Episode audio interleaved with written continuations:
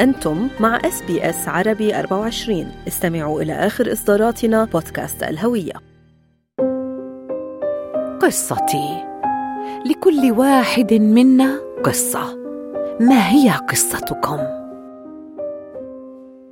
جوي دواعش علينا؟ إحنا كنا بالموصل هددونا تهديدات كلش كبيرة على مود إنه كنا نبيع شغلات مال كنايس فجروا الشركة مالتنا فجروها. وزوجي توفى هناك من 2008 زوجي توفى. وشفت هاي المأساة. أن تجبر على المغادرة وأنت في بلدك وأرضك لأنك تمتلك تجارة لا تتوافق عقائديا مع من يتقاسم معك الوطن والهوية. فهذا جرح عميق نازف. أنا علاء التميمي وهذه قصة العائلة العراقية المكونة من الأم انتصار وولديها ستيف وسامر. وصلوا مؤخرا إلى ملبورن.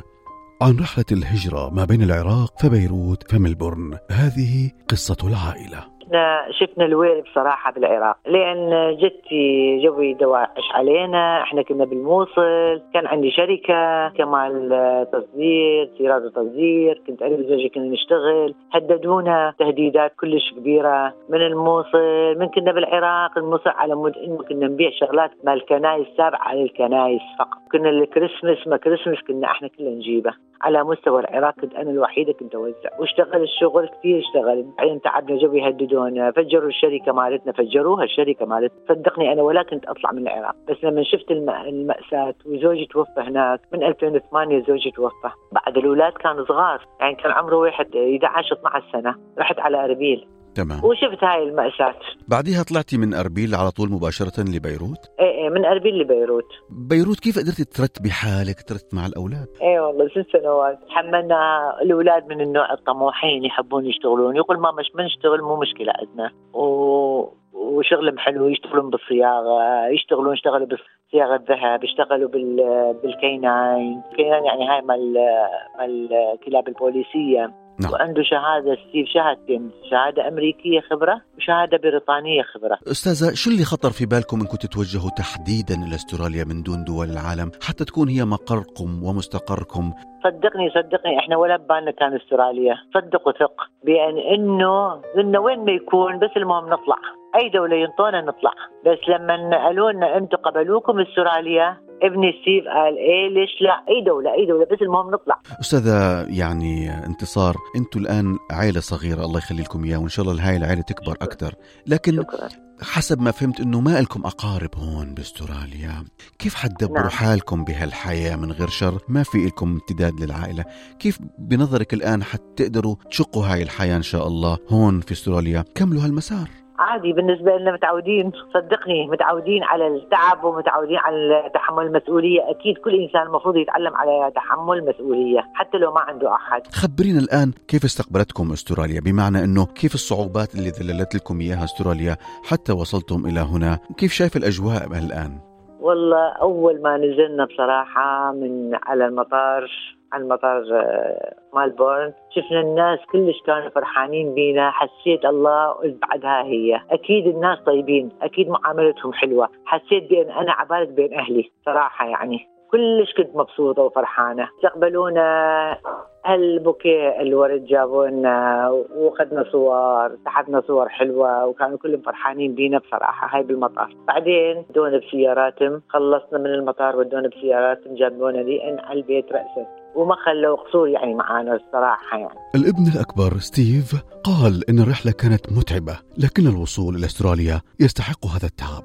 والله الرحلة كانت شوي متعبة بس ما تتعب؟ بس إنه تعرف إنه أنت عندك مستقبل بهالبلد حياة غير جديدة ترتاح فيها تشوف حياتك تبني مستقبلك الطموح اللي أنت تريدها تصير. مثلا إنه المستقبل قدامه تهون هالساعات إنه ساعات الطيارة أو السفر مثل ما يقولون. كنا بالعراق أول شيء بالعراق طبعا يعني كان اكو شوية مشاكل. تعرف إنه الحرب وما حرب وداعش فهاي المشاكل أثرت علينا كلنا نفسيا جسديا يعني آه، خسرنا هواية مثل ما يقولون. انتقلنا إلى لبنان. كم- كمان بلبنان تعبنا هواية لأن إنه تعرف ست سنين طولنا وكوفيد بلبنان وقفنا وأخرنا عن سفرنا. بس أخيرا يعني نقول واحد شو يقول يقول الحمد لله والشكر يعني انه وصلنا لأستراليا وصلنا إلى البلد اللي واحد كان يتمناه يوصله ويجي عليه ويشوف حياته ومستقبله. يحقق الأهداف اللي كان يحلم بها آه تعبنا بصراحة وايد بالعراق لأنه تهددنا ومشاكل ولا كهرباء لا ماي لا حياة لا مدارس. كانت حياتنا شوية صعبة. حياتنا صعبة بالعراق إنه مو هينة كانت. مرينا بكثير ازمات مش بس أنا يعني أكثر العراقيين فيما عبر الابن الأصغر سامر عن رحلة الهجرة قائلا. مع بيروت وهي كانت بالبدايه صعبة لأنه ما كنا نعرف أحد ما كنا نعرف آه، هواي عالم. كنت بالأول يعني نعرف شوية friends أصدقاء. بعدين شوية شوية إنه حاولنا نروح نجي نعرف أماكن نتأقلم ويا العالم. بس همنا يعني شوية كانت صعبة مو سهلة لأنه من دولة إلى دولة ثانية. لأنه يعني كنا ننتظر انتظار طبعا ابد ما حلو وكنا يعني الحمد لله وقت ما أخذنا الفيزا إنه فرحنا كلش لأنه كنا منتظرين هذا الشيء وكنا منتظرين إنه دولة أستراليا تقبلنا. لأنه هو تعذبنا بالعراق بلبنان. فهذا اللي فرق ويانا وخلانا نفرح هواية وبأستراليا أكيد دولة أفضل. وانبسطنا هواية وقت ما وصلنا طبعا. هذه الحالة تابعتها مؤسسة أكسام قالت السيدة سحر عقيد رئيسة مؤسسة منظمة أكسام الإنسانية في ميلبورن. آه هذا الشغل آه, آه، تطلب منا عمل كثير كمتطوعين. إحنا المنظمة تبعنا هي منظمة غير ربحية. وشغلنا بلش من من شهر الرابع السنة الماضية ولحد ما توصلنا لهي الخطوة أخذنا وقت كثير طويل. بس آه بالصبر والتفاني حاولنا إنه نكون آه، نشتغل على إحضار هاي العائلة إلى استراليا في الوقت المناسب. وطبعا نشكر جميع العاملين على من الجالية العربية من من الناس اللي آه، من النتورك اللي كان عندنا. كل واحد اشتغل يعني على موضوع معين والحمد لله هذا هو العمل الدؤوب الجاد كان هو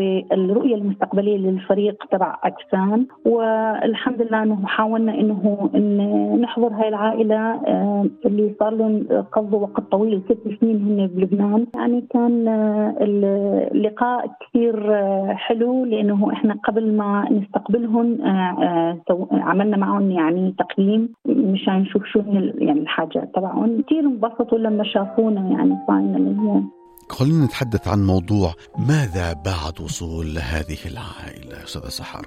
إحنا كمنظمة المنظمة تبعنا هن نتورك كل العاملين المتطوعين اللي عاملين موجودين معنا. كل واحد عنده خبرة معينة. هذا الشيء ساعدنا كثير لما آه، يعني نحاول إنه نوطن عائلة آه، لاجئة في استراليا خاصة في فيكتوريا. كل واحد آه، راح يعمل لهم شيء. يعني عندنا في أنا شغلي ك يعني مسؤولة الرئيسة تبع الأكسان. أنا شغلي كان عندي خبرة بالاستيطان الاستقرار الإنساني مده عشر سنين. فاحاول إنه أستغل هاي الكفاءة ل يعني ربطهم بالخدمات الموجودة في المنطقة الشمالية في فيكتوريا في مالبن وغيري ممكن عنده يعني الشغل يعني في عنا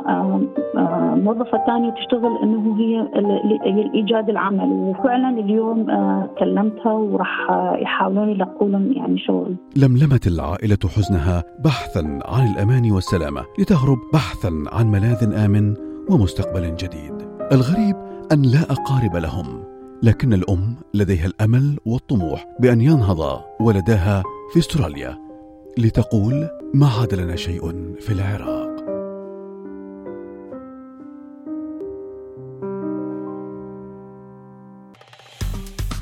استمعوا إلى آخر إصدارات اس بي إس عربي 24 على جميع منصات البودكاست. تابعوا بودكاست الهوية في موسمه الثاني. الذي يروي قصصا واقعية تعكس تحديات الانتماء التي يواجهها الشباب العربي في أستراليا.